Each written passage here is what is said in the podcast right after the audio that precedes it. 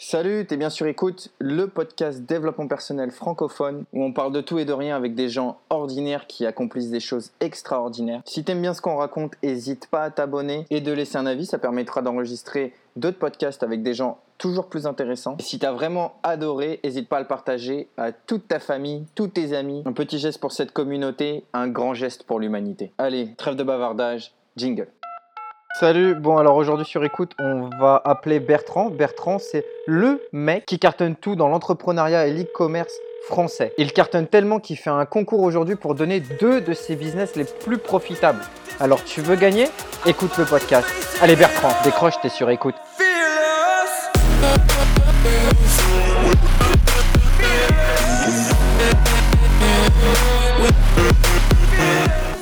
Hello? Allez, l'homme le plus demandé et le plus recommandé de la e-commerce sphère est là. Eh ben écoute, le... oh, l'accueil de ouf. Tu sais. Moi je suis là, je chausse mon micro tranquillement, tu vois. je- Ah, ça fait du bien. C'est quoi Je vais me déconnecter, me reconnecter. Je vais voir si tu peux trouver encore mieux, tu vois. Ça va ou quoi? Ça va super bien, je te remercie. Comment se passe ta journée? Elle, elle commence là, non? Là, ouais, moi, ça commence. euh, bah, écoute, je suis levé depuis deux heures, le temps de prendre un petit déj et en fait d'aller me laver les dents. C'est pour ça que j'avais trois minutes de retard. Parce que je me suis dit que dans un podcast, tu vois, c'était quand même important la laine. Ah, je suis prêt. Ouais, du coup, en deux heures, la routine matinale de l'entrepreneur qui cartonne tout sur les réseaux sociaux, euh, il a pris son petit déj, il s'est brossé les dents. Ouais, franchement. Non, après, bon, je t'avoue, j'ai acheté, euh, j'ai acheté quelques billets d'avion, euh, j'ai réservé quelques hôtels, des trucs comme ça, mais, euh, mais dans l'absolu, ouais, j'essaye de me lever doucement quand même. Ouais, parce que j'ai vu, tu étais à, à Minsk ou un truc comme ça? Alors, j'étais à Minsk jusqu'à il y a, il y a deux ou trois jours. Là, je suis à Vilnius. Et, Ouais. et demain. Ouais, c'est ça, en Estonie. euh, en, pardon, en Lituanie. En Ah, pardon. Ah, c'est compliqué, personne n'y arrive. Même moi, je suis dedans, je me trompe, je te dis. Donc. et donc, euh, demain dans la nuit, je pars à Riga, en, Ah en Lituanie cette fois. Euh, en Lettonie, tu Estonie. vois, j'arrive pas. En Lettonie. En Lettonie. non, l'Est- l'Estonie, je connais bien parce que j'ai ma boîte. Donc ça, C'est Tallinn là-bas. Ouais, Voilà, Tallinn. j'ai ma boîte qui est là-bas, c'est facile, je sais. Les autres, plus compliqué. Donc voilà, ouais, ouais, c'est un peu ça que je fais le matin. J'essaye de, de de pas commencer trop trop vite sur les chapeaux de roue, quoi. J'aime bien prendre mon temps. Et tu finis tard, du coup? Ah, c'est une bonne question. euh, de, alors c'est pareil, ça c'est un- pour moi c'est un indicateur en fait. Tu vois, de me dire euh, euh, si je, si je vois que mes journées sont trop longues, trop remplies, c'est que je suis mal organisé et c'est ce genre de d'indicateurs qui me font prendre des décisions un peu euh, un peu énormes comme là ce que j'ai fait récemment, c'est-à-dire euh, offrir deux de mes business.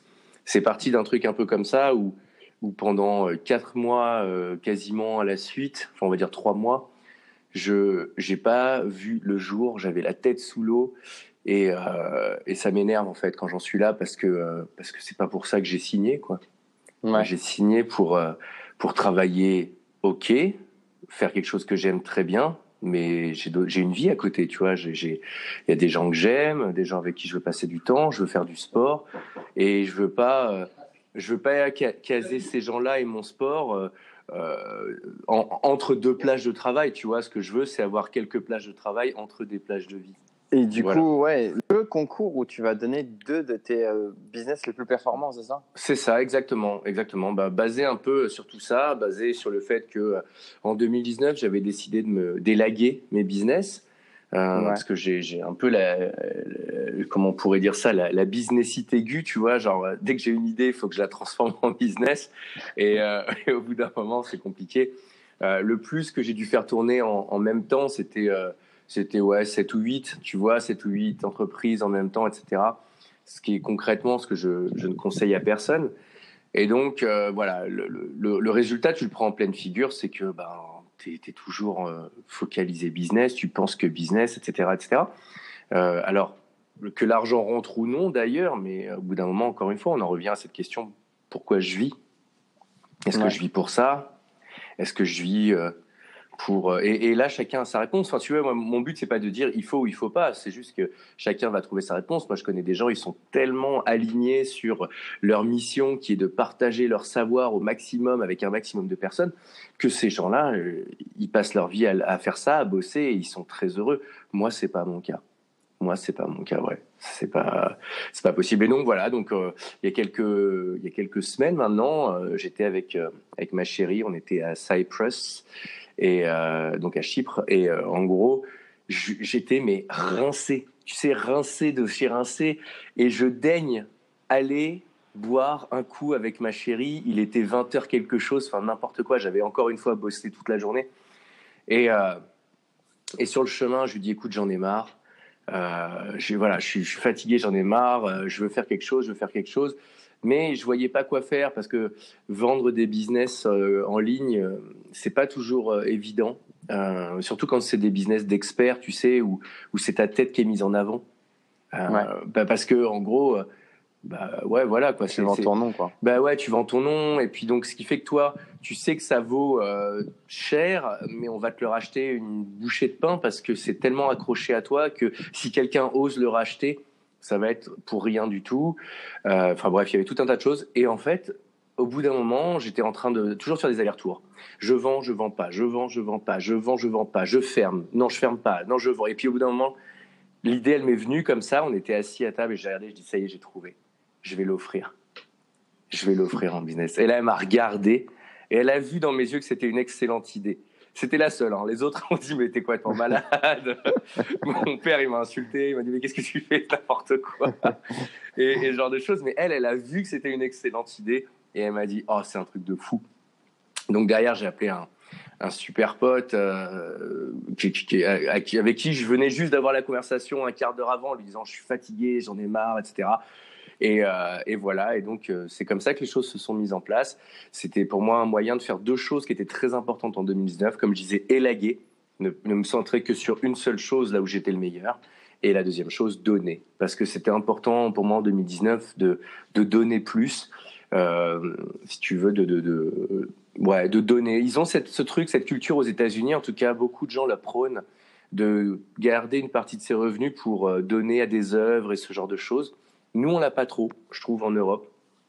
C'est pas un truc qui se fait naturellement.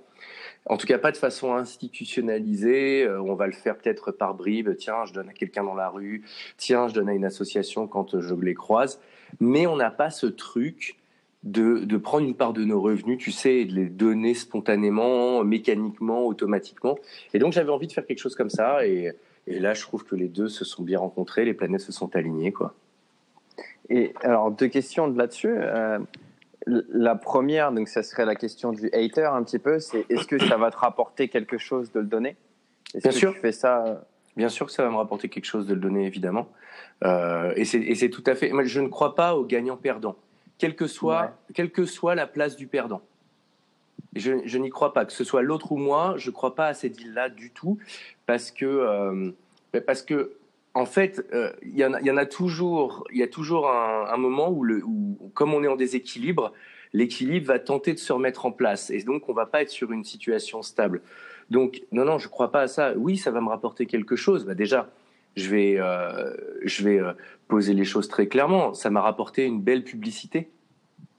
C'est-à-dire que c'est quand même un, coup d'annonce qui a fait que Aujourd'hui, j'ai à peu près une centaine de personnes déjà inscrites au concours, alors que j'ai encore pas poussé beaucoup. Que j'ai des partenaires qui m'ont dit on va pousser pour toi et des partenaires qui ont des, des fanbases de 100, euh, 150 000 personnes. Donc, ces gens-là, ils, ont décidé, enfin, ils m'ont proposé de, d'envoyer un petit mail, de faire une communication là-dessus. Donc, forcément, enfin, t'imagines bien que ça va encore augmenter l'impact. Donc, rien que ça, il y a, il y a une histoire de publicité. Et je mentirais en disant que j'en étais pas conscient en le faisant, que ça allait apporter quelque chose. Ensuite, il y a un lien avec mon nouveau business. Mon nouveau business s'appelle Marketing Mentaliste. Et, euh, et forcément, c'est un coup de marketing tout en étant un vrai don. Et si tu veux, moi, j'ai du mal, euh, quand on veut systématiquement mettre des cloisons entre les choses, tu vois, est-ce qu'on peut avoir un geste qui est euh, genuinely, euh, authentiquement, enfin, dans un élan, ouais, dans un élan de don, tu vois, et en même temps en même temps euh, quelque chose où tu sais qu'il va y avoir des retombées positives, tu vois. Et pour moi, c'est les deux en même temps. Il n'y a pas de, a pas de dichotomie à faire, il n'y a pas de séparation à faire. Donc les coups de pub. Ensuite, derrière, ben, euh, il va y avoir forcément un effet, euh, un effet où beaucoup de gens vont s'intéresser à ces business-là et au business donc que je vais donner. Donc forcément, ça va attirer du chiffre d'affaires dans la période avant le concours, avant le don. Mais là, encore une fois, tout ça, je, je cherche à trouver le, truc qui me paraît juste. Et, donc, c'est pour ça, par exemple, que j'ai décidé que 90% des revenus qui allaient être générés durant la période du concours, eh ben, ces revenus-là, ils allaient revenir à 90% aux gens qui allaient les générer, c'est-à-dire aux gens qui concourent.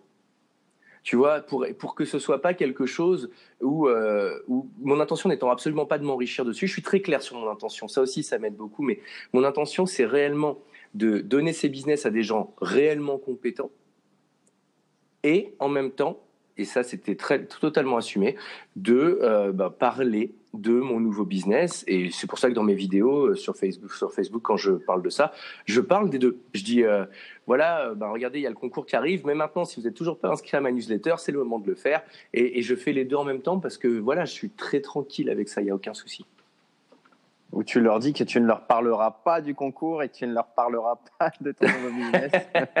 ouais, tout à fait, tout à fait, effectivement. Ça, c'est le. J'adore.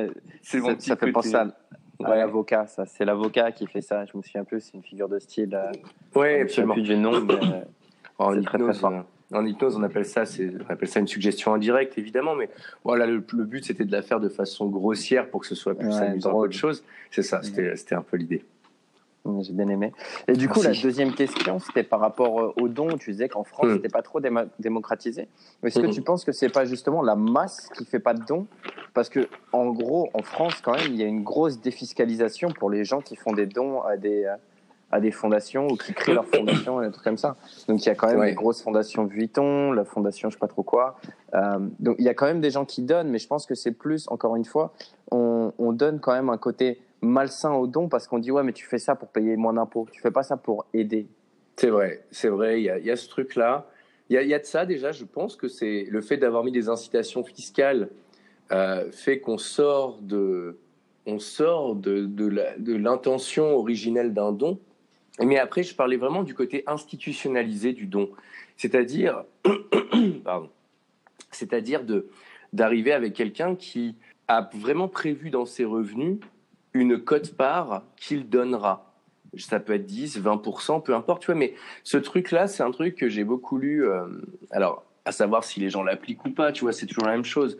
Les conseilleurs sont pas toujours les payeurs, mais euh, mais je l'ai beaucoup lu aux États-Unis cette façon de faire, ces enveloppes dans laquelle il y a une enveloppe euh, dans qu'on va nourrir avec des choses et cette somme-là est à donner. Et ça, ça fait partie des choses. C'est déjà Tony Robbins qui en parlait il y a déjà maintenant hein, oulala, quasiment 30 ans dans Pouvoir illimité. Euh, il parlait de ça, il parlait de donner une partie. Et euh, à l'époque, ça avait résonné quand je l'avais lu. Alors à l'époque, c'était pas en 88. En 88, j'avais 7 ans, mais euh, mais mais non, je lisais pas Tony Robbins.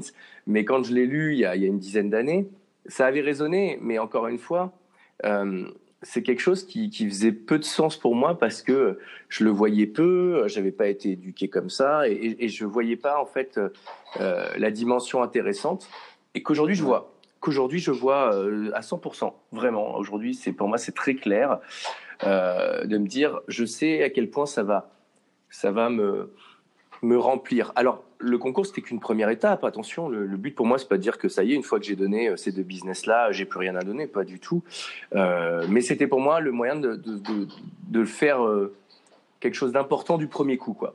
Voilà, je commence avec quelque chose d'assez symbolique, d'assez fort, et puis après, je continuerai sur ce chemin. D'accord.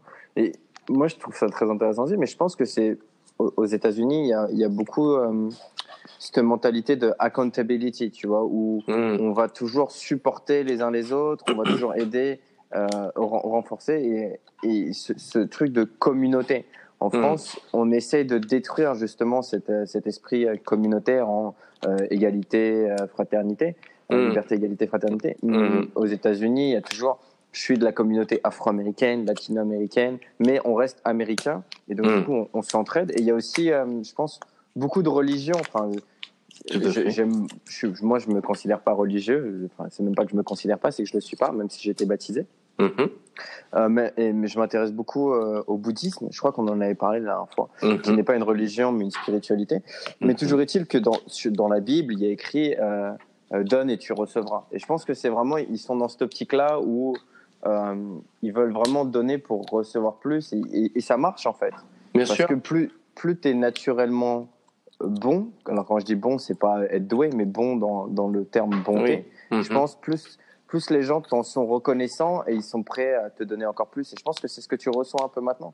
Tu donnes de l'amour, tu reçois de l'amour. Tu donnes de la haine, bah, tu recevras de la haine, forcément. Effectivement, il y a quelque chose dans ce goût-là. Il y a quelque chose. Euh, c'est vrai, c'est vrai que euh, euh, je pense que le côté communauté doit avoir sa part. Ça, je, je suis assez d'accord avec toi. Mais je pense qu'il y a aussi le côté aux États-Unis, si tu veux euh, on n'a pas l'État qui va apporter le type de, de service qu'on apporte chez nous, et donc forcément, on est obligé de plus compter sur soi et, ben, comme tu disais, plus sur sa communauté. Effectivement. Et je pense que ça aussi, ça va jouer énormément. Euh, c'est vrai que aujourd'hui, euh, moi, ces questions-là, je me, je me les pose pas en tout cas comme ça. Je, je vois juste que chez moi, c'était pas une conscience ouverte, que il a fallu ben, différents événements euh, que j'en suis arrivé à cette envie-là. Et, euh, et puis après, euh, après je t'avoue que là, aujourd'hui, le, le, seul retour que j'en attends, clairement, c'est le fait de, de, me sentir bien et de me sentir fulfilled, tu vois, comme on dit en anglais. me sentir rempli, ouais, rempli, épanoui.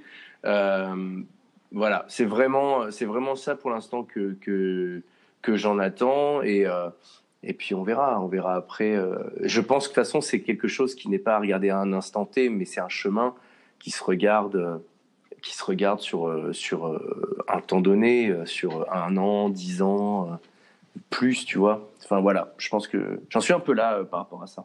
Et tu penses que c'est dû à l'âge, c'est dû à une étape dans ton business, c'est dû à une réflexion, à un burn-out, à une grosse situation non, peu importe. C'est vrai, c'est vrai. Je, je, je, je, écoute, je sais pas te dire. C'est quelque chose qui a commencé à poindre. Je pense que c'est comme tout. C'est, c'est, on est tous victimes d'inception au quotidien. Et, euh, et euh, ben, un jour, tu lis, euh, tu lis Tony Robbins, voilà. Puis un autre jour, tu lis un autre gars qui dit la même chose. Puis après, j'étais à, je donnais une conférence à Bruxelles et puis j'ai une nana qui, qui me parle de son business et son business dedans, elle, elle m'évoque ce concept.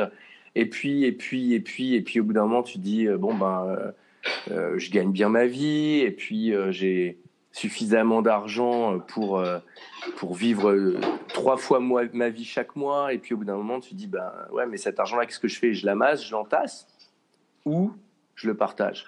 Ou j'en fais quelque chose d'autre? Ou et et ça va être super, euh, ça, va faire super cynique ce que je vais dire, mais je crois qu'il y a une part de ça quand même. C'est que je m'achète du bonheur. Et, je crois que dans le don, il y a quelque chose comme ça. Euh, on peut se dire 100% altruiste euh, et, et, être systématiquement 100% centré sur l'autre. Je crois que non. Je crois que dans chaque acte, même dans le plus altruiste, tu as une part d'égoïsme et d'égocentrisme. C'est une croyance profonde. Et heureusement, c'est ce qui nous maintient en vie. Et je pense que faire ça, c'est aussi quelque part une façon de s'acheter, euh, de s'acheter ce sentiment d'être utile, de s'acheter ce sentiment d'aider, euh, de s'acheter ce sentiment de participer à quelque chose qui est plus grand que soi.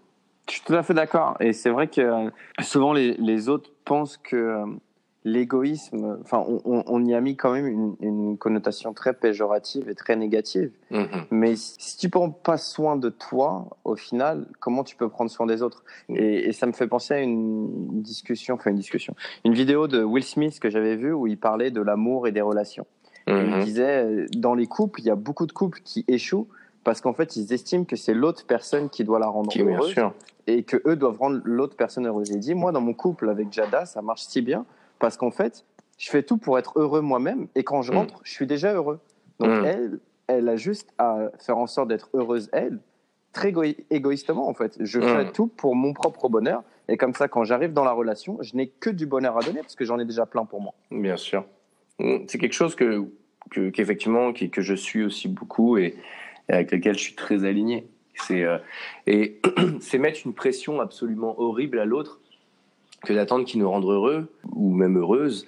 Mais pourquoi? Parce que si je suis pas heureux aujourd'hui et que je me suis jamais déjà posé la question moi, alors que je suis quand même aux premières loges de comment est-ce que je fais pour me rendre heureux, c'est qu'est-ce que c'est horrible que ce soit la charge à un combat à l'autre, alors qu'il a encore moins d'idées, moins d'indices sur comment faire que moi, et que déjà moi que j'en suis incapable pour moi-même, alors en plus ce serait à l'autre qui n'est pas moi de le faire. Enfin c'est quelque chose qui est juste horrible. C'est un jeu en permanence qui est qui est abusé et en fait, euh, mais c'est un jeu que je vois souvent. C'est un jeu que je vois que je vois très régulièrement et c'est je pense que c'est c'est aussi un chemin. Encore une fois, je crois que c'est vraiment un chemin personnel. C'est un chemin où tu vois, tu me disais, euh, qu'est-ce qui, euh, qu'est-ce qui amène ça, qu'est-ce qui fait ça, l'âge ou quoi. Je pense que euh, l'âge ne veut pas dire grand-chose. J'aime bien parler d'expérience plutôt que d'âge. C'est l'âge, c'est du vécu. Ok, on, avance tous dans la vie, mais maintenant l'expérience, c'est qu'est-ce que je fais de ce vécu? Est-ce que je le retraite? Est-ce que j'en apprends quelque chose? Est-ce que je bâtis dessus? Et si je regarde un petit peu mon chemin de vie, j'ai toujours été très très tourné vers l'expérimentation sans forcément savoir où ça allait m'amener, en étant très à l'aise avec le fait de pas trop savoir toujours euh, ce que j'allais faire de ça, et, euh, et, et d'être aussi ok avec le fait d'arrêter. Ça, c'est aussi un truc important, cette, cette culture de, tu sais, il y a beaucoup ce, ce truc de, de, de shame bashing, de des gens qui quittent, tu vois, des quitters, on dit, des gens qui abandonnent. Moi, je, franchement, j'emmerde ça. Je te le dis très vite. Ces gens-là qui, qui, qui, te, qui te mettent la pression pour que tu ailles jusqu'au bout des choses. Ben non, pas du tout. On n'est pas obligé systématiquement d'aller euh, d'aller sur le bout du chemin. L'essentiel, c'est par contre d'être clair sur ce que tu es venu chercher dans quelque chose et après de te donner les moyens d'aller jusque-là. Là, il n'y a pas de souci. Mais je veux dire, on ne se lance pas tous dans le business pour monter un empire. Euh, on ne lance pas systématiquement son business en ligne pour, euh, pour faire 12 euh, millions par mois. Et donc, c'est tout à fait OK. Euh, si on est venu chercher, par exemple, un sentiment de réalisation en lançant son entreprise et qu'une fois qu'on l'a touché du doigt ou qu'on a touché du doigt aussi que c'est pas à travers ce chemin qu'on y arrivera, c'est ok d'arrêter. Enfin, je veux dire, pas de problème avec ça. C'est que ton chemin il est ailleurs et c'est pas un souci. Ouais, mais je pense que c'est ça. C'est que comme tu disais, on, on, on va après dire ouais, mais t'as abandonné ou si t'avais euh, si t'avais persévéré, t'aurais pu faire plus. Et, et c'est aussi parce qu'on essaie toujours. Tout le monde veut être différent et au final, on veut tous se ressembler. On veut être différent, mais faire comme les autres. J'ai un peu, enfin après, je sais pas si tu es d'accord avec ça, mais j'ai un peu cette impression où aujourd'hui, on veut tous être uniques, mais on va euh, regarder porter euh, les chaussures à la mode ou avoir le dernier téléphone à la mode ou bah, faire le dernier boulot à la mode comme le dropshipping. On veut tous faire différent. Bah, je vais être différent, je vais faire du dropshipping. Ouais, on est déjà des, des dizaines de millions à faire du dropshipping, donc c'est pas tant différent.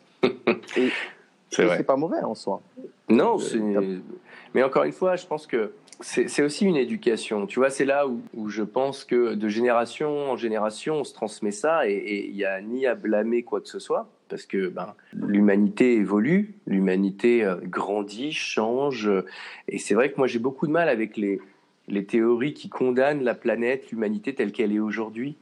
Enfin, on est le résultat de nous-mêmes. On est, si on en est arrivé là aujourd'hui, c'est par suite de décisions que, enfin, qui ont été prises par euh, X milliards d'êtres humains au cours des, au cours des euh, X millions de dernières années, quoi. Et, et, et, aujourd'hui, on, en est là, ok. Et, alors, je pense qu'à chaque fois, j'ai plusieurs postures possibles. Soit euh, je râle en permanence sur ce qu'est l'humanité, le système, etc. Ce qui est une posture, ok. Je t'avoue que moi, elle m'a jamais beaucoup intéressé soit euh, on se dit ben euh, je joue avec le système, c'est-à-dire que je prends le système qui est miné et, et, et, je tente d'en tirer le meilleur pour moi, pour les autres, peu importe. Euh, il y a peut-être aussi des postures de je subis le système et ça aussi, je trouve ça dommage, je trouve ça triste et, j'en vois hein, beaucoup. Et puis il y a aussi les, postures, je crois, de je change le système. C'est pas je m'en plains, mais c'est je, je, veux amener le système vers sa prochaine étape. Et il y a des acteurs comme ça que je trouve extraordinaires hyper inspirants qui euh, ont réellement et réellement travaillent au quotidien à amener le système ailleurs. Et c'est super, c'est super.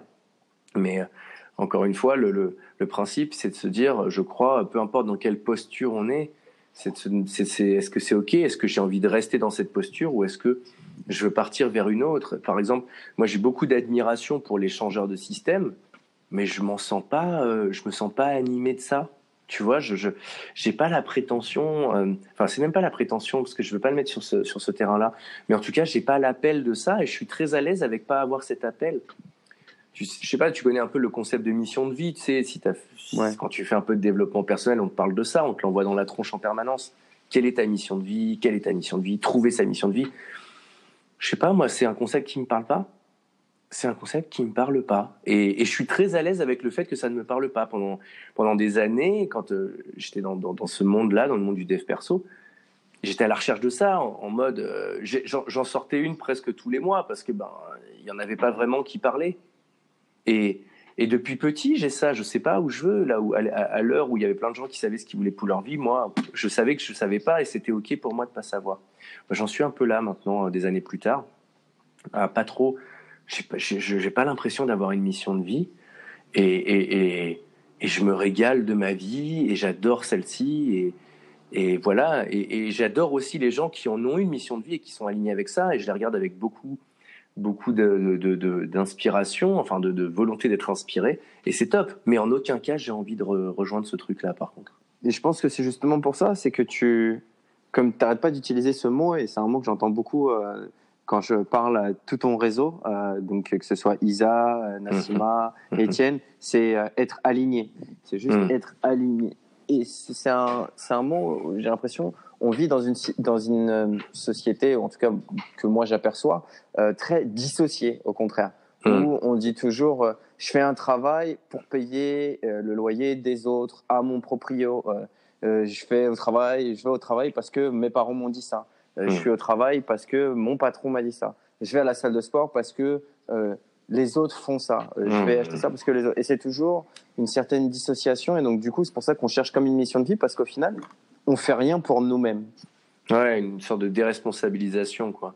Et, et, hmm. vu que toi, tu te sens tellement bien aligné, alors attention, c'est, je pense, après, je ne sais pas correctement, mais que c'est des questions que tu te poses un peu au quotidien ou de façon hebdomadaire où il y a des fois tu dis est-ce que vraiment je suis aligné ou pas? Est-ce que vraiment ça c'est bien ou pas? Et donc c'est, une remise en question, mais c'est par rapport à toi. C'est toi. Est-ce que je fais ça pour mon propre bien? Est-ce que hmm. je fais ça pour C'est pas est-ce que on m'a dit de faire ça et que ça va lui correspondre? Tout à fait. Et, et c'est pour ça que tu es si bien aligné. Après, je sais pas.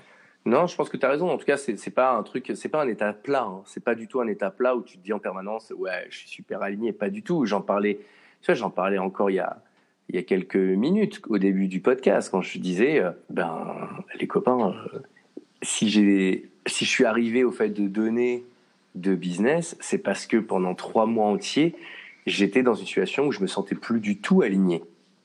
Mais c'est vrai que on va dire que les dernières années, ces dernières années, ce que j'ai appris à faire, c'est à prendre soin de moi, à prendre soin de moi pour de vrai, euh, et à pas blâmer les autres parce que j'arrivais pas à prendre soin de moi. Tu vois, c'est pas euh, pendant des années, j'en ai voulu euh, à mon père de ci de ça, jusqu'au moment où j'en suis arrivé à reprendre mes responsabilités, à reprendre euh, ma part de responsabilité et d'être dans, une posture qui était plutôt bon ben je lui rends ce qui est à lui avec ce que j'ai pas apprécié etc mais pourquoi est-ce que 35 euh, ans plus tard je devrais continuer à vivre euh, comme si c'était une situation qui était toujours là? Enfin je veux dire j'ai le droit de sortir de ça et donc de prendre soin de moi de faire des choses qui me font du bien malgré ce que j'ai vécu malgré le passé le passé qui, la part du passé qui m'a pas plu et ce genre de choses. Et donc c'est un travail quotidien de prendre soin de soi, c'est un travail quotidien d'être aligné. Ça demande de s'écouter, ça demande d'écouter aussi euh, euh, bah, des choses plus subtiles. Moi, je te disais, un des indicateurs très forts que j'ai quand je bosse, c'est euh, le, temps de travail et mon poids. Mon poids, c'est très important. Quand je, quand je prends du poids, c'est que ma vie est totalement désalignée, quoi. Et ça, ça a fait ça à chaque fois. À chaque fois que j'ai trop bossé, mon poids se met à, à partir en vrille.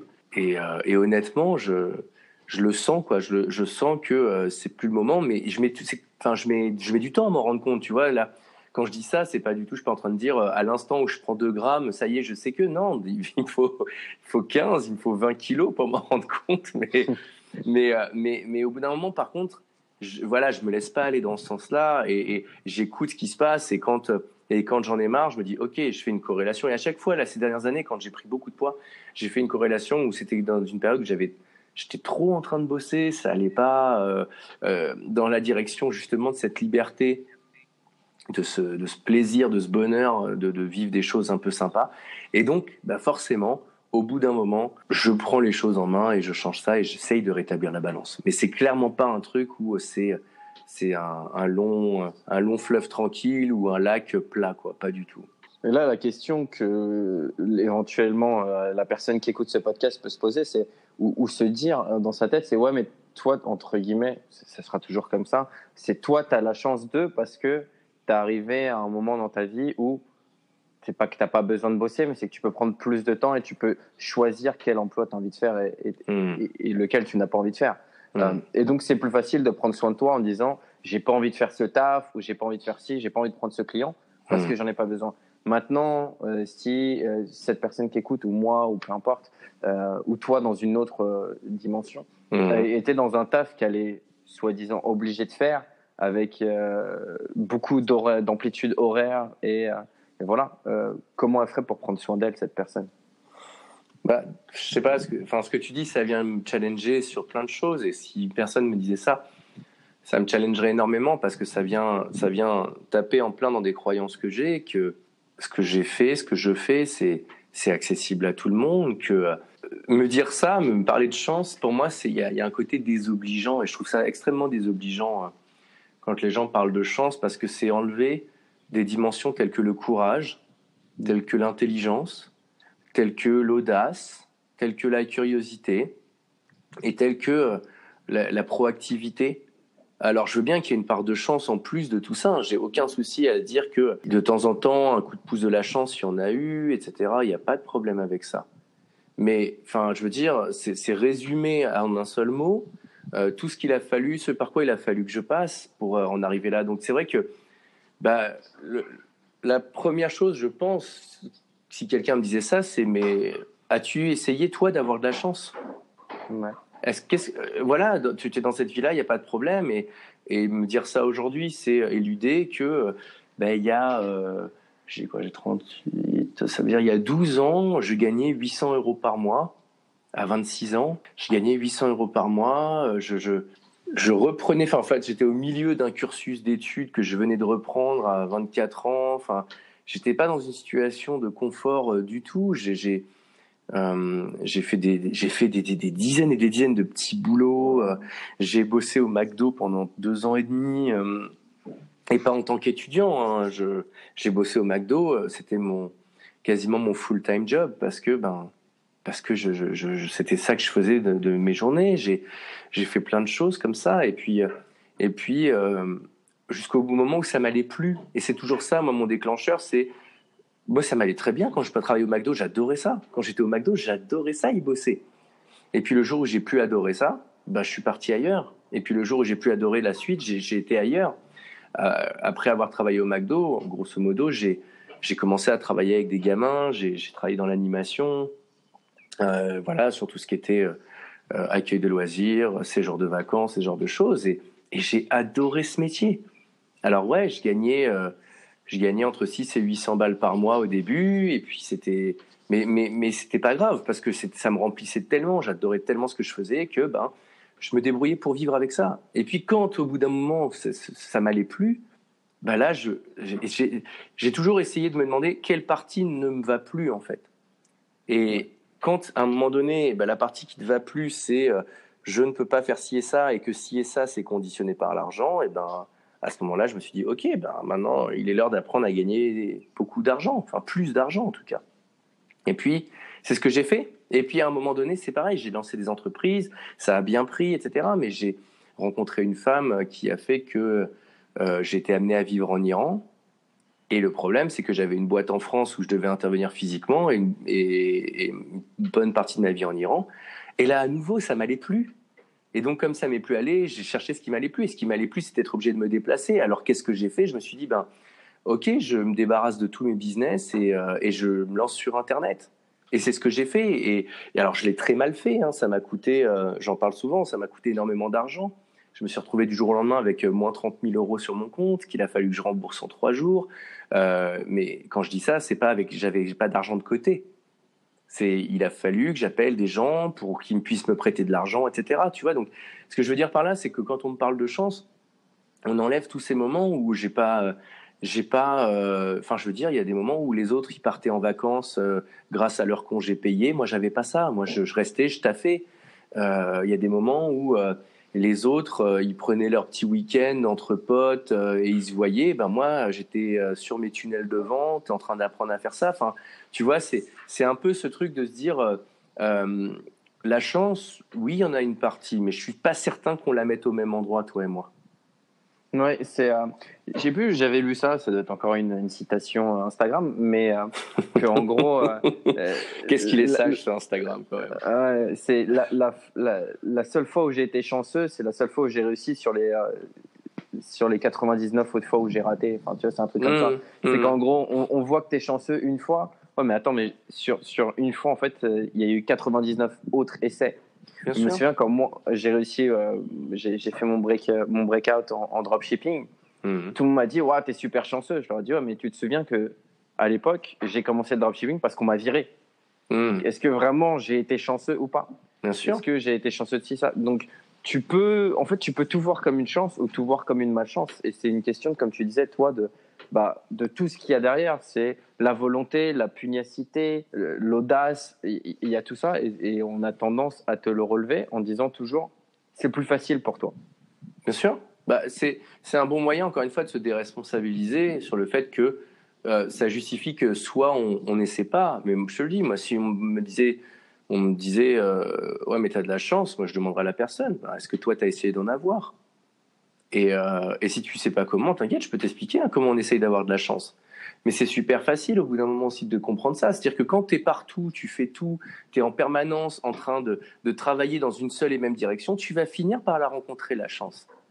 Enfin, je veux dire, c'est, euh, on, parle beaucoup des artistes qui explosent et on, les voit qu'au moment de leur succès, mais est-ce qu'on a pensé euh, aux dizaines d'années d'entraînement, de casting, de, euh, de, enfin, je veux dire, les, petites nanas, même celles qui ont 18, 19 ans, enfin, elles chantent, elles prennent des cours de chant, etc. depuis des années. Est-ce qui fait qu'elles ont été rencontrer des profs de chant, des profs de chant qui ont un réseau. Ce réseau, elles l'ont ouvert. Elles ont peut-être passé des concours.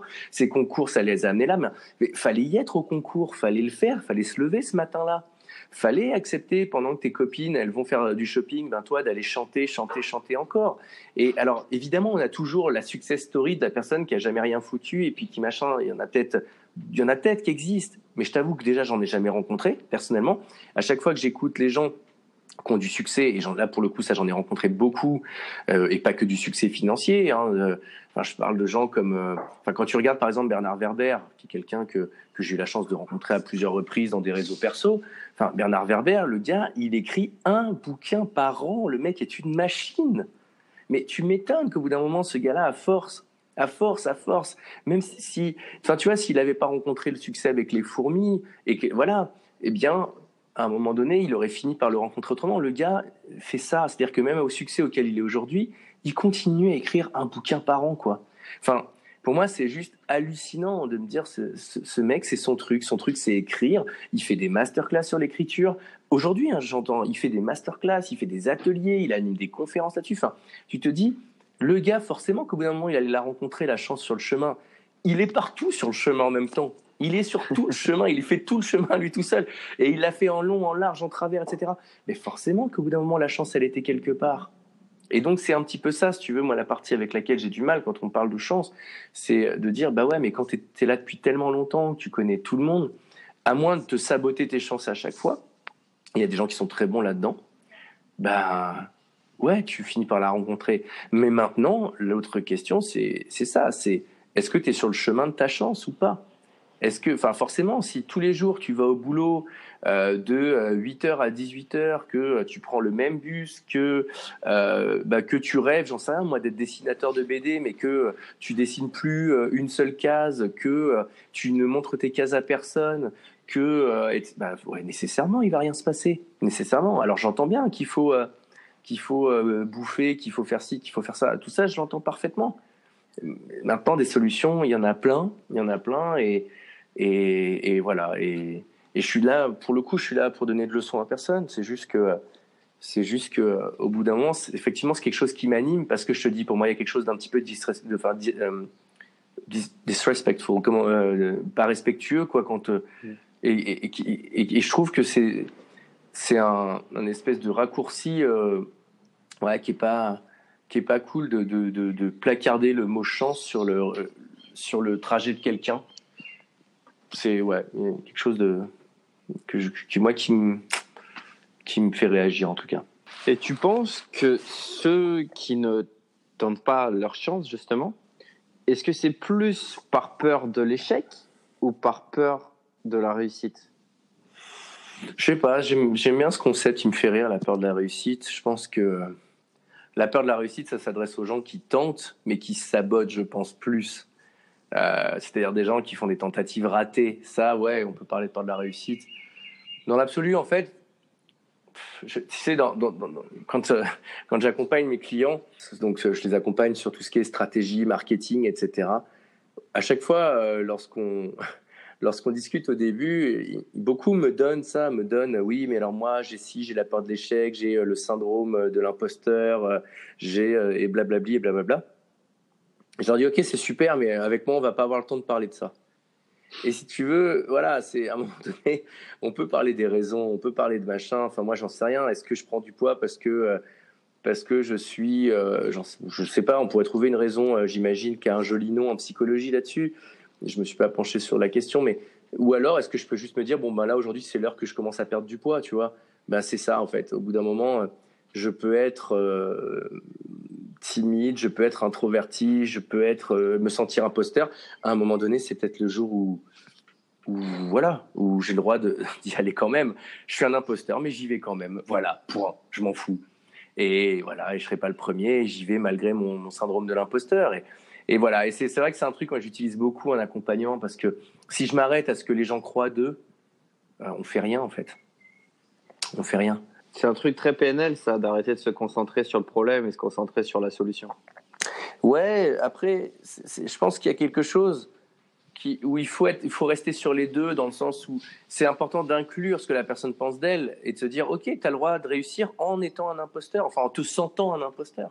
Parce qu'à partir du moment où tu utilises je me sens imposteur, ça veut bien dire qu'il y a une partie de toi qui sait que ce n'est pas réel. Donc, est-ce que j'ai le droit de réussir en me sentant imposteur? Bien sûr, tu as le droit. Eh bien, faisons ça faisons ça si ça te plaît mieux que de réussir. Enfin, si ça te plaît mieux que d'enlever ton syndrome de l'imposteur pour réussir ensuite, viens, on, viens, on réussit pendant que tu te sens toujours un imposteur. C'est pas grave. C'est intéressant. C'est intéressant comme concept parce que du coup, ça fait que la personne, elle se voit réussir, mais en plus, elle partage comme une certaine vulnérabilité, ce qui mm. fait que bah, ça la rend encore plus crédible. Le fait, je pense, de, de, de réussir, et, ça, c'est souvent aussi euh, des on-dit euh, de, la, de la société, mais c'est euh, encore une fois avec le t'avais de la chance, c'est bah on t'a tout donné ou t'es parti, t'es pas parti du même endroit que moi. Et souvent les gens, enfin en tout cas qu'on admire, c'est souvent des gens qui qui sont fragiles, qui ont des qui ont, qui ont plein de déceptions. Bah, Tony Robbins, c'est le grand modèle pour pour tous ceux qui connaissent bah, la motivation, le, le, dev perso et tout ça. Mais au final, il, il, est quand même Là, il est avec sa troisième femme, il me semble. Mhm. Euh, enfin, donc ça veut dire que tu vois, même si le gars c'est un expert en euh, relations conjugales et tout ça, bah, il fait des erreurs. Euh, Tim Ferriss, qui est un pro de la proactivité et de tous les body hacks, bio hacks, tout ça, mhm. bah, il reste dépressif et il, il fait de l'agoraphobie ou je sais pas trop quoi. Enfin, il, mhm. il, aime pas, il aime pas. Donc il y a personne qui est parfait. Il faut pas chercher à être parfait avant de se lancer. Bien sûr, et puis c'est un chemin, encore une fois. Euh, Et puis après, c'est toujours la même chose. C'est est-ce que je fais de ce truc-là un handicap définitivement bloquant ou est-ce que j'avance quand même? Et en l'occurrence, enfin, force est de constater que Tim Ferriss, malgré son agoraphobie et sa dépression, bah, le gars, il, réalise quand même des choses. C'est-à-dire que je, peux être un dépressif productif, ça existe, quoi. Ouais, et, c'est ça, et c'est que euh, on, se trouve souvent euh, en tant qu'être humain des, des, excuses ou des barrières pour, euh, je sais pas, je pense rester dans une zone de confort. Ça, on en parle beaucoup. On en parle beaucoup. J'aimerais un peu la creuser cette notion parce que parler de zone de confort, enfin, je trouve que c'est aujourd'hui, si tu veux, les termes trop à la mode, je les trouve chiants parce que tout le monde se cache derrière un terme après. Ouais. Moi, je sais pas. Je me dis, qu'est-ce qui pousse quelqu'un à pas agir? Il y a plein de choses. Il y a, au bout d'un moment, et c'est un exercice que j'aime bien faire avec mes clients quand je les vois un petit peu là-dedans. C'est de me dire, ok, regarde-toi dans une glace et regarde-toi et donne-toi deux discours en disant, mais avec conviction, aujourd'hui, je commence et là, euh, peu importe le projet. Aujourd'hui, je le commence pour de vrai et je ne m'arrêterai pas tant que j'aurai pas réussi. Tu tentes ça, tu te regardes dans les yeux dans la glace et tu regardes ça pour de vrai et tu t'écoutes. Tu te le répètes plusieurs fois et tu t'écoutes. Ensuite, tu te regardes en disant je me suis, je me suis fait croire euh, des choses pendant 3 4 ans. Euh, tout ceci n'était qu'une vaste blague et au fond de moi, je sais très bien que je ne le ferai jamais sérieusement. Et donc aujourd'hui, j'abandonne, j'arrête et je retourne vers autre chose mais de se le dire plusieurs fois pareil, avec sincérité, et d'écouter lequel des deux je crois le plus.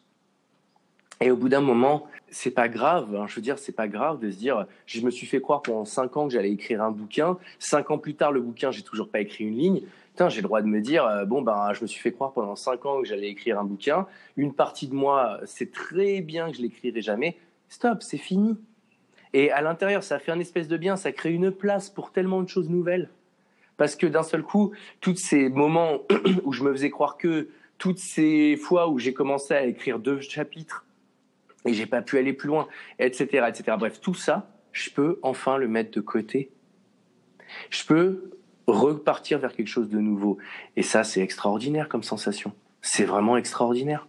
Et donc, si tu veux, le côté zone de confort, machin, j'aime bien me demander comment est-ce qu'on peut euh, imaginer ce processus autrement. Euh, de la même façon, quelqu'un qui agit pas, euh, bon, ok, c'est intéressant, c'est de se demander.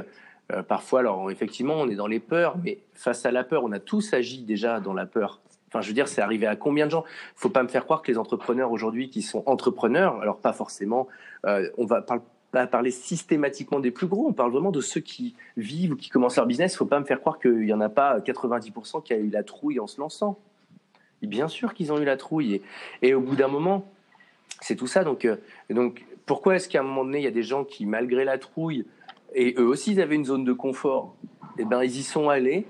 Et euh, pourquoi est-ce qu'il y en a d'autres qui ne sont pas allés? Pour moi, j'aime bien revenir à nouveau sur ce côté de déresponsabilisation. C'est que euh, y, a, je crois qu'il y, a plusieurs, il y a plusieurs leviers à l'inaction. Le premier, c'est la connaissance. Parce qu'effectivement, quand tu sais pas quel est le prochain pas et les pas d'après, ben, en fait, ce truc-là, c'est un, c'est un tueur de motivation. C'est-à-dire qu'en gros, si je ne sais pas clairement ce quoi faire, ça demande à mon cerveau de créer. Or, la création, c'est l'une des activités cérébrales les plus gourmandes pour le cerveau en énergie. Ça veut dire que concrètement, si j'ai personne chez moi est entrepreneur, si je n'ai aucune idée de comment le devenir, qu'il faut que je trouve mon idée, le chemin, la forme juridique, le business model, euh, etc. Il y, a une espèce de, il y a une espèce de vague de, euh, je pourrais, sais pas trop comment l'appeler, mais en tout cas un truc qui, euh, un truc qui, fait que voilà, c'est trop intense pour mon cerveau et que mon cerveau il peut pas, il peut pas, c'est trop et donc il abandonne, il préfère jeter l'éponge. Le deuxième levier euh, de, de l'inaction, c'est finalement qu'il n'y ait pas tellement de sens. Et euh, c'est Fauzi Malak, quelqu'un que j'aime beaucoup, un entrepreneur que j'aime beaucoup, qui parle de on achète l'objectif des autres. Mais il y en a plein dans cette société qui croient qu'ils veulent devenir entrepreneurs et qui croient qu'ils veulent être nomades digitaux parce qu'ils ont vu des gens faire et que ça avait l'air cool sur le papier. Mais dans la vraie vie, c'est pas leur objectif. Enfin, je veux dire, la plupart des, gens qui font ça, il faut comprendre ce que ça engendre. Enfin, on est loin de sa famille, on est loin de ses amis proches qu'on connaît, euh, on n'a pas d'environnement tous les jours, on a la tête dans ses valises. Euh, euh, quand on est dans des pays genre la Thaïlande, ben, on est en train de dealer avec le visa en permanence.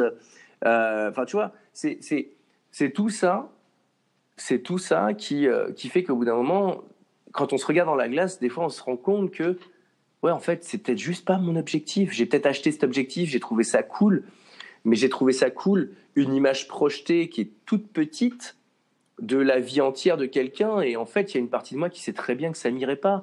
Enfin, moi, combien de gens j'ai rencontrés qui sont tellement proches de leur famille, euh, il faut qu'ils soient en permanence avec leurs potes ou leur famille, etc. Forcément, ces gens-là, ils ne ils sont pas faits pour être nomades digitaux. En tout cas, pas aujourd'hui, pas comme ça, pas dans ces conditions-là. Donc forcément, ces gens-là, faut qu'ils arrêtent de, de, de, de tenter de, de, de, partir sur Internet au nom de ça, j'entends. Au nom de ça, au nom de, euh, au, nom de la liberté de pouvoir voyager, machin, etc. Enfin, au bout d'un moment, faut, faut aussi reprendre des choses et accepter que les objectifs à la mode euh, du moment, de 2019, 20 et les années à venir, c'est pas forcément. J'ai le droit de pas aimer ces objectifs-là et de, et moi de, de de, de continuer ma vie traditionnelle d'employé qui va machin et d'être bien avec ça. Enfin, tu vois, c'est pas un gros mot d'être bien en tant que salarié. C'est cool. Enfin, si t'es bien, si t'aimes ça, enfin, continue, il n'y a pas de problème.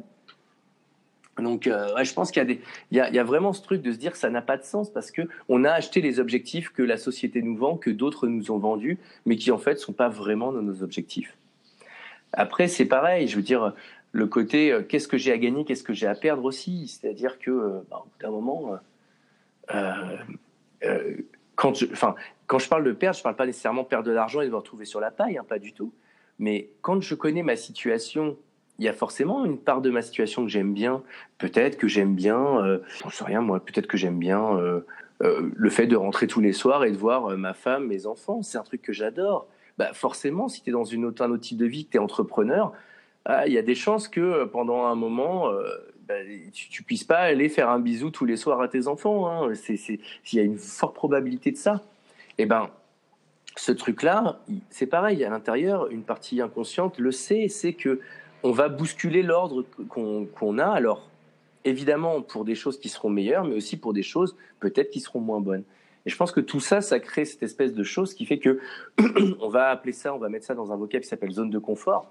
Mais je pense que c'est intéressant d'aller regarder de quoi elle est composée cette zone de confort si on veut espérer bouger ou accompagner quelqu'un à bouger. C'est ce qu'on disait tout à l'heure un petit peu, c'est qu'on essaie toujours de, de mettre un nombre, un chiffre, un nom ou un chiffre derrière quelque chose. Hmm. Tu as été chanceux, c'est pas c'est pas de la pugnacité, du travail, tout ça, c'est de la chance. C'est pas euh, t'es pas euh, phobique avec des parents qui t'aident pas et sans amis et sans argent et sans rien. Tu es juste euh, dans ta zone de confort parce que hmm. tu as un travail et tu rentres à la maison. C'est juste, c'est on, on, rentre dans une sorte de, je sais pas, de facilité ou de, parce que on a tellement, ouais, ouais, enfin c'est pas vraiment ce que je voulais dire, mais c'est juste, hmm. on a tellement d'informations qui qui nous arrivent de partout, tu vois, c'est ce que tu hmm. disais aussi tout à l'heure, mais c'est que euh, on nous donne trop de trucs, on nous donne trop de de bah, tu as plein de réseaux sociaux, tu as plein de différents emplois, tu as plein de chaînes de télé, tu as plein de chaînes de radio, tu as plein de chaînes de podcasts. Il y, a trop de tout. Et donc, du coup, on arrive dans une situation où on, a trop de choix à faire.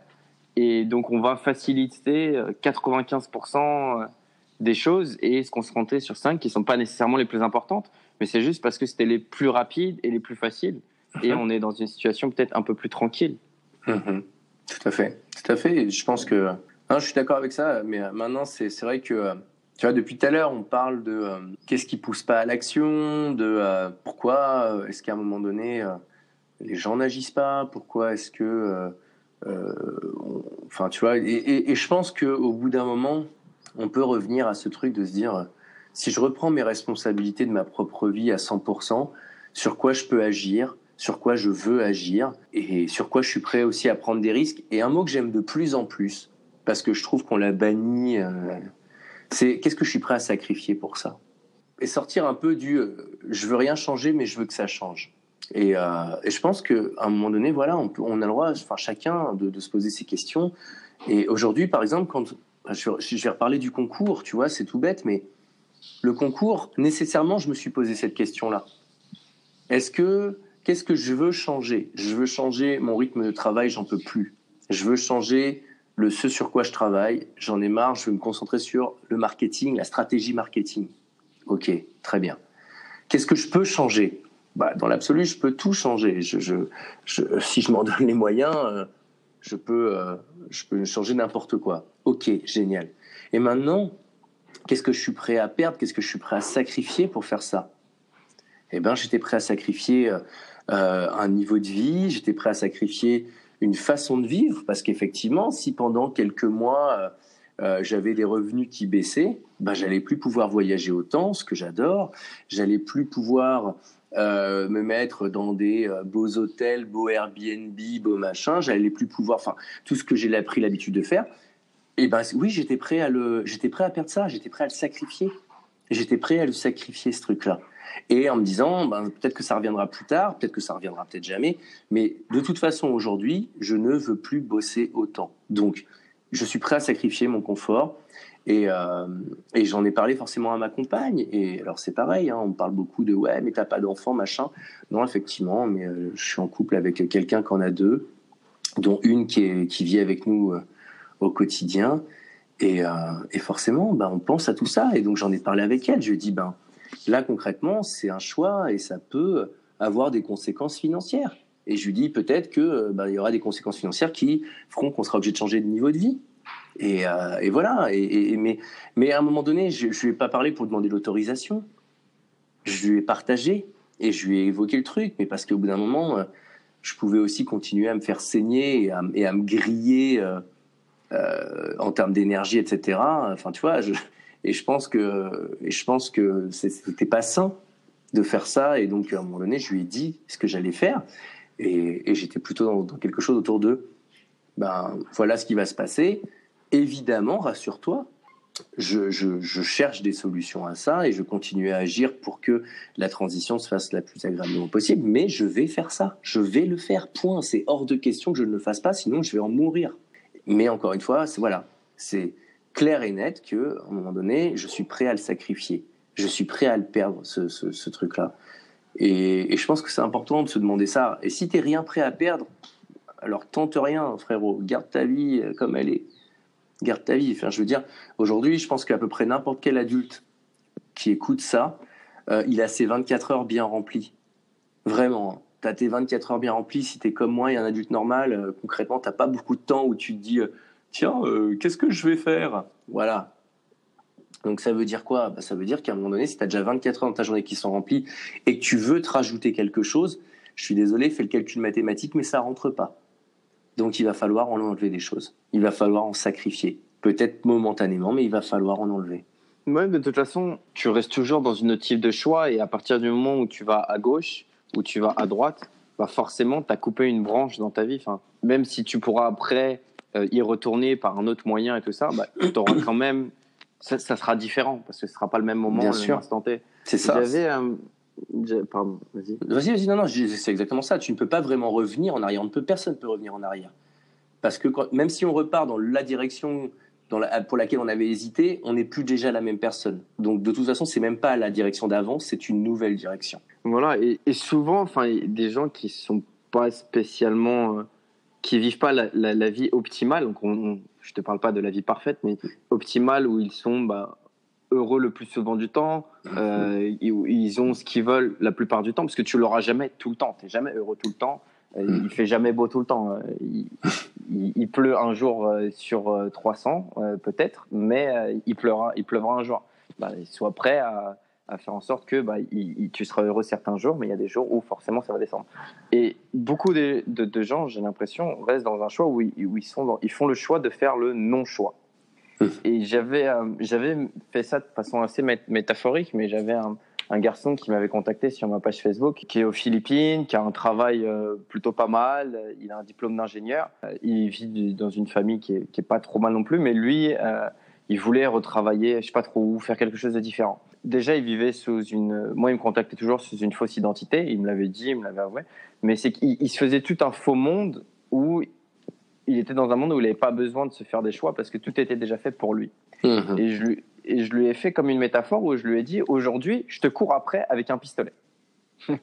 donc visuellement, c'est un truc assez agressif et je lui ai dit, mmh. je te cours après et on arrive. Et donc, il y a toi, moi dans une pièce, une fenêtre devant toi et tu cours à la fenêtre et là, tu as deux options.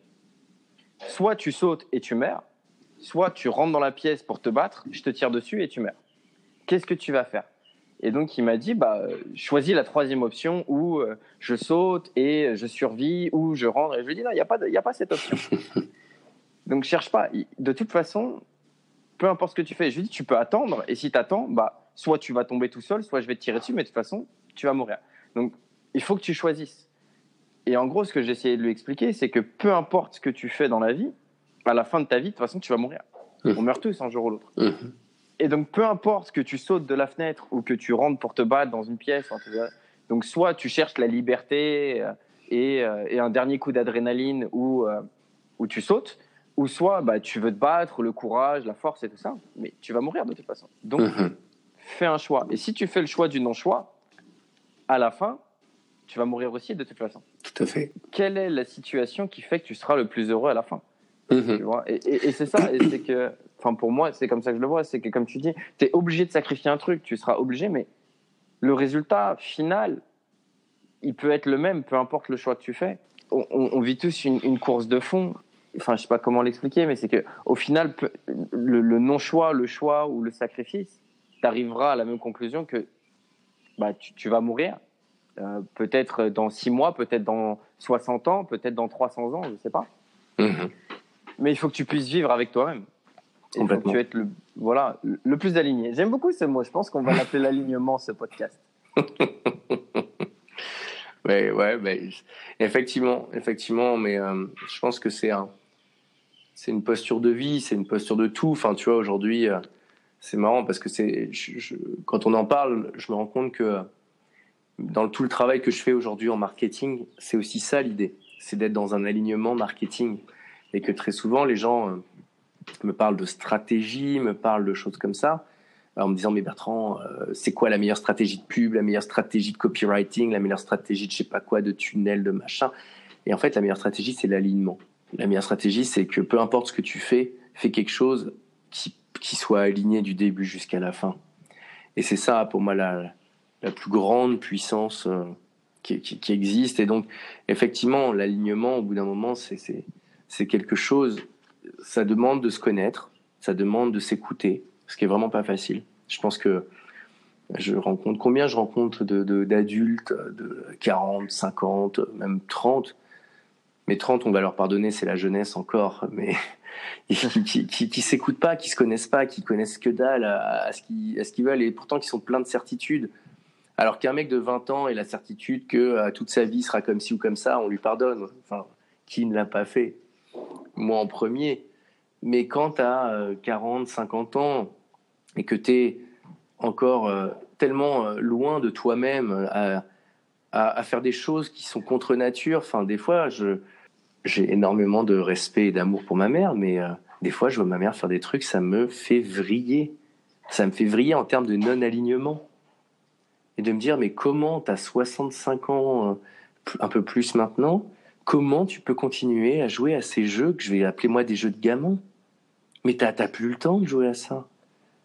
D'ailleurs, tu ne l'as jamais eu, personne n'a le temps de jouer à ça, mais, mais pourquoi est-ce que tu continues à, à jouer à ces jeux? Et je me dis, c'est pas, tu vois, l'âge, c'est pas, c'est pas l'ingrédient magique parce que, parce qu'il y a plein de gens qui continuent à jouer à ça jusqu'au bout, à jouer à ces jeux où ils sont pas alignés, où ils font des choses qui ne leur correspondent pas, des choses qu'ils regrettent, des choses qu'ils n'aiment pas, où ils prennent pas le temps de faire des choses qu'ils aiment, où ils, stop, à un moment donné, stop, stop, réaligne-toi. Et, et je pense que la base de mon travail euh, en marketing, elle est là-dessus aussi.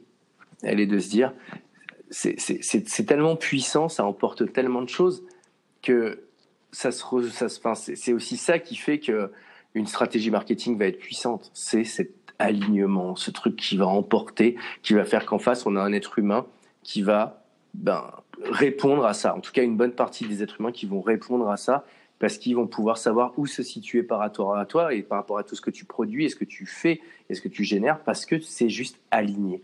Comment tu le ressens, le retrouves, cet alignement, euh, hormis euh, bah, le fait de te. De, peut-être de, fin, de la technique du miroir que tu disais tout à l'heure, de te regarder dans le miroir et. les trucs qui, toi, réellement, parce que tout le monde va te dire méditation, lire des livres, faire du sport, pas du tout. Euh, bosser. Toi, qu'est-ce qui vraiment. qu'est-ce qui t'aide à te. À me réaligner? Ouais, réaligner, aligner, t'écouter, prendre soin de toi. Moi, je, moi, je, connais mon émotion. Euh, après, c'est un vrai travail. Moi, j'ai une émotion qui est, qui est présente, euh, pas souvent, mais quand elle est là, elle est là et ça fait rire beaucoup les gens. Et voilà, mais c'est, ce sont mes coups de gueule, c'est la colère chez moi. Quand je sens qu'un truc me met en colère, c'est là où c'est un indicateur fort. Et euh, je pense que c'est les émotions sont des superbes indicateurs alors évidemment, hein, ça ne veut pas dire que je n'ai que la colère et la joie. Non, je suis comme tout le monde, j'ai la palette entière. Mais c'est vrai que je suis moins concerné par la tristesse, par exemple. Je suis moins concerné par, euh, par la peur. Euh, mais par contre, ouais, la colère, moi, c'est un truc chez moi qui est là. Et quand, quand c'est mon indicateur perso, alors chacun a le sien, hein, chacun a son indicateur perso. Mais moi, quand je commence à sentir que il y a quelque chose qui me met en colère, aujourd'hui, c'est devenu un réflexe de me checker, de me dire qu'est-ce qui va pas, qu'est-ce qui ne va pas? Pareil, quand euh, alors après, c'est la même chose, c'est que plus on va travailler autour de ça, plus on va avoir des signes clairs, plus on va savoir s'écouter. Mais c'est pour ça que c'est un entraînement. C'est vraiment un entraînement. C'est quelque chose. C'est pas du jour au lendemain. Je vais donner un conseil, les gens vont le faire, vont dire oh là là, c'est extraordinaire, je m'écoute maintenant. Non, c'est faux. C'est un travail depuis des années. Je fais ça depuis que je suis petit. Et, et, et si toi t'es pas petit, c'est pas grave. Fais-le à partir d'aujourd'hui. Et ça paiera, ça paiera un jour.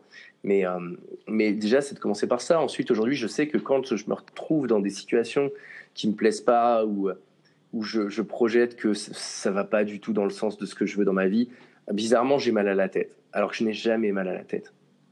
Et là, d'un seul coup, boum, j'ai mal à la tête. Et, ça m'est arrivé quelques fois dans ma vie avant des, avant des business meetings, dans des situations cheloues. Et là, j'étais en train de me dire, mais qu'est-ce que je fous ici? C'est pas bon. Et boum, à ce moment-là, comme par hasard, j'ai mal à la tête. Et, c'est ce genre d'indicateur que j'apprends à écouter en me disant, ben, c'est pas là pour rien, tu vois. Pareil, euh, je fais du sport.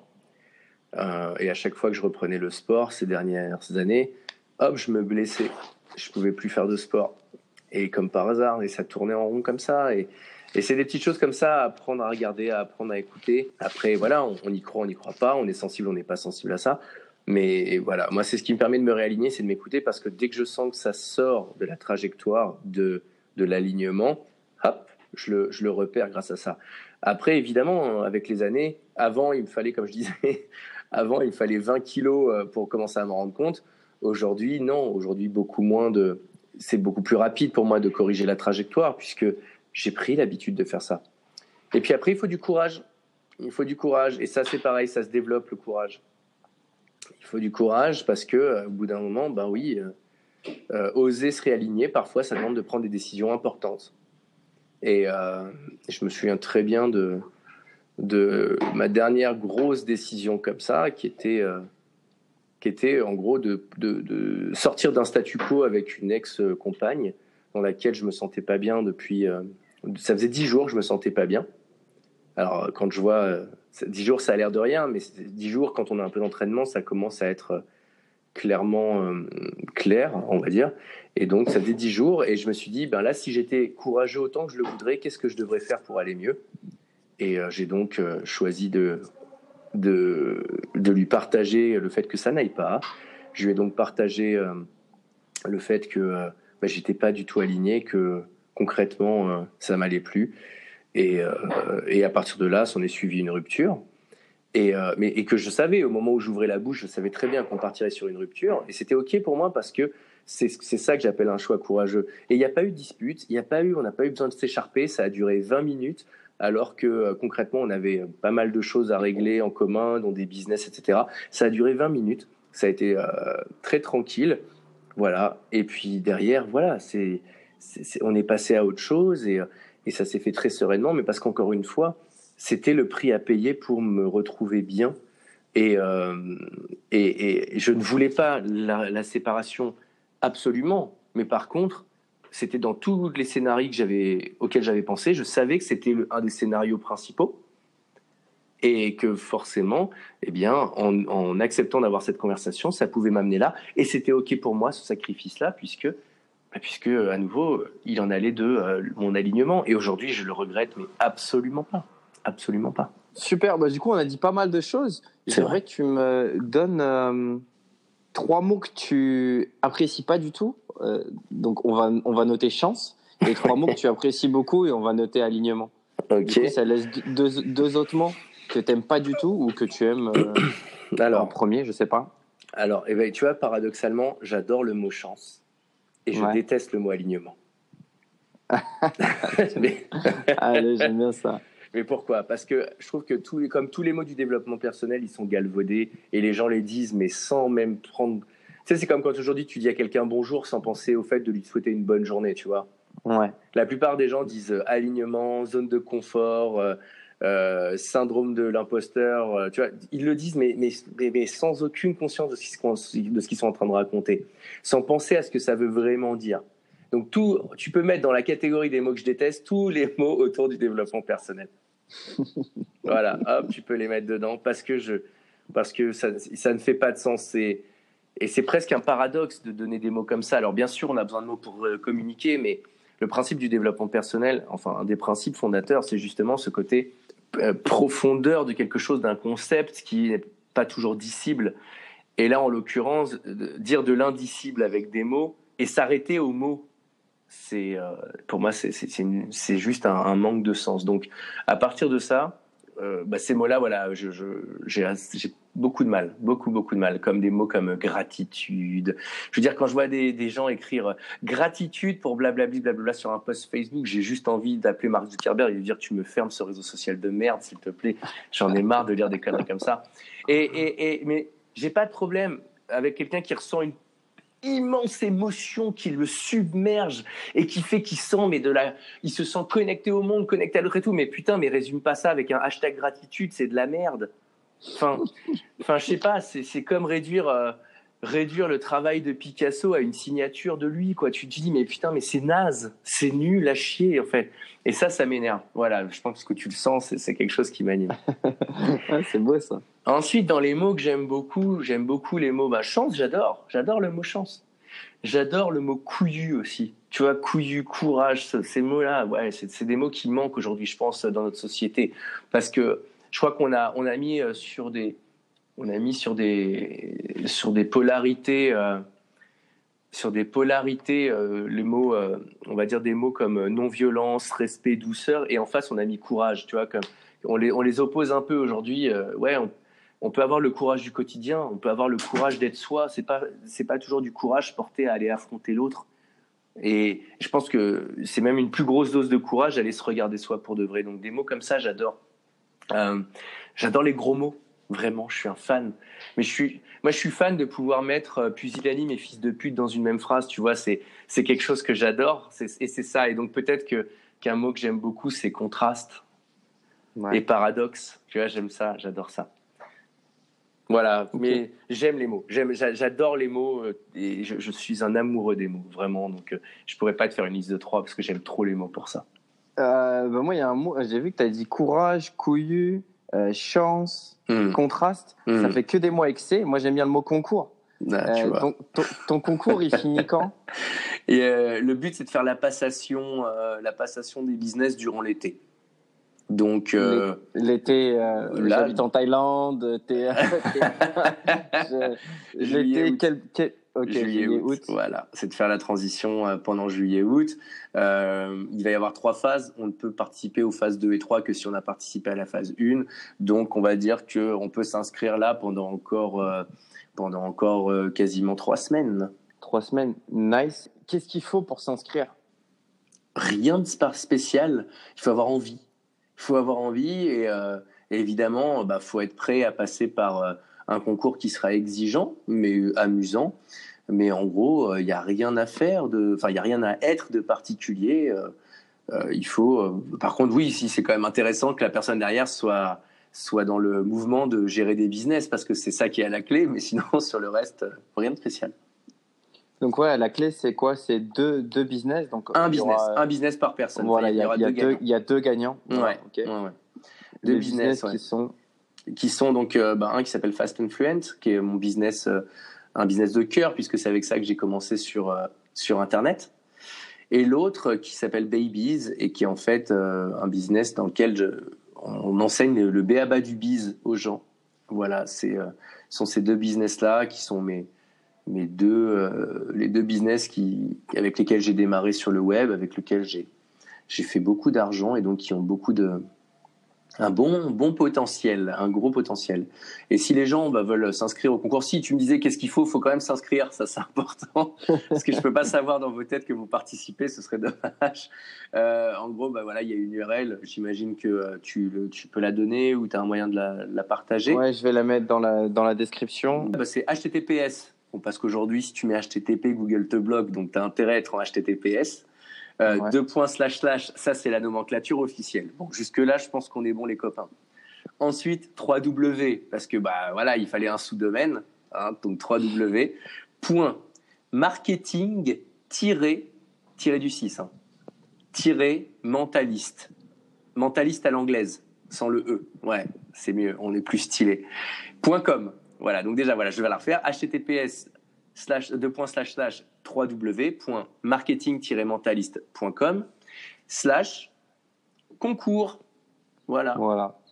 Bon, c'est super. Et si les gens veulent, euh, bah, je sais pas, te, écouter ta jolie voix, est-ce que tu as un podcast? Est-ce que tu fais des, des chaînes YouTube? Est-ce que euh, tu écris des bouquins, toi qui aimes les livres euh, et qui aimes les mots? Alors en fait, comment comment est-ce qu'on te trouve? Comment est-ce qu'on te consomme? Alors on me consomme. Bah, déjà, si tu tapes Bertrand Millet, logiquement tu finis par me trouver, mais tu vas me consommer sur une chaîne YouTube qui s'appelle aussi Marketing Mentaliste. Mais c'est pas mon axe préféré de mon axe préféré de, de, discussion. En fait, aujourd'hui, si tu veux avoir le meilleur du meilleur, bah, tu vas sur euh, le site Marketing Mentaliste et tu t'inscris à la newsletter. Et cette newsletter, j'y mets vraiment euh, un énorme, une énorme somme de travail. Il y en a une par semaine. Elle arrive dans ta boîte le lundi matin à 6 heures du mat. À 6 heures du mat. Pourquoi? En française. Ouais, en française, tout à fait. euh, pourquoi 6 heures du mat? Parce qu'en gros, bah, tu as tous les leftos euh, qui l'apprennent et puis comme ça, toi, le lundi matin, tranquille pour commencer ta semaine, tu as une stratégie qui t'attend. C'est une stratégie marketing d'élite, un truc qui est qui enfin, dont personne ne parle, des choses qui sont pointues, euh, qui te régalent les neurones, et c'est vraiment ça l'idée. Et derrière, ben, en suivant la newsletter, tu sauras comment me retrouver parce que je fais souvent des lives, je donne souvent des conférences à droite à gauche, euh, je me déplace pas mal pour rencontrer des gens, mais c'est vraiment à travers la newsletter que tu auras toutes ces informations-là. Super. Bah écoute, merci beaucoup pour tout ce temps que tu m'as accordé. Euh, Avec grand plaisir. Deux fois en une semaine, franchement, c'est sympa. Avec grand, grand plaisir. Et puis, euh, bah, j'espère qu'on pourra se revoir enregistré ou pas enregistré bientôt dans ton emploi du temps euh, gargantuesque. Et quand tu reviens en Thaïlande, on se, on s'appelle, on se fait une bouffe. C'est une évidence. Merci en tout cas à toi de m'avoir invité, vraiment. Merci à ceux qui sont encore là, qui ne se sont pas endormis euh, sur le chemin. Merci d'avoir écouté jusqu'au bout, ça fait plaisir. Ah, bah, ils ont intérêt à écouter jusqu'au bout parce que sinon ils vont louper le concours. Ah mais ouais, non mais ça tant pis pour eux. Ça, je veux dire à un moment donné, c'est franchement voilà, bah, ceux qui, tu vois, tu demandais qu'est-ce qu'il faut pour participer au concours, il va falloir être arrivé jusque là, euh, jusque là dans le podcast. voilà, c'est ça l'idée. Euh, merci bah, à toi. Merci beaucoup et je raccroche. Ciao. Merci à toi d'avoir été sur écoute. Je reviens la semaine prochaine avec Nassima. Je sais ça aurait dû être cette semaine, mais je voulais absolument que tu puisses participer au concours de Bertrand. Comme il l'a dit, il y a deux business à gagner. Ça peut littéralement changer ta vie. Donc n'hésite pas à participer. Avec Nassima la semaine prochaine, Nassima, coach en séduction éthique, nous retrouvera. Donc n'hésite pas à t'abonner, laisse un petit avis si t'as aimé. Et oublie pas de partager à tous tes amis, toute ta famille et même ton chien. Allez, t'étais sur écoute, à la semaine prochaine. Ciao.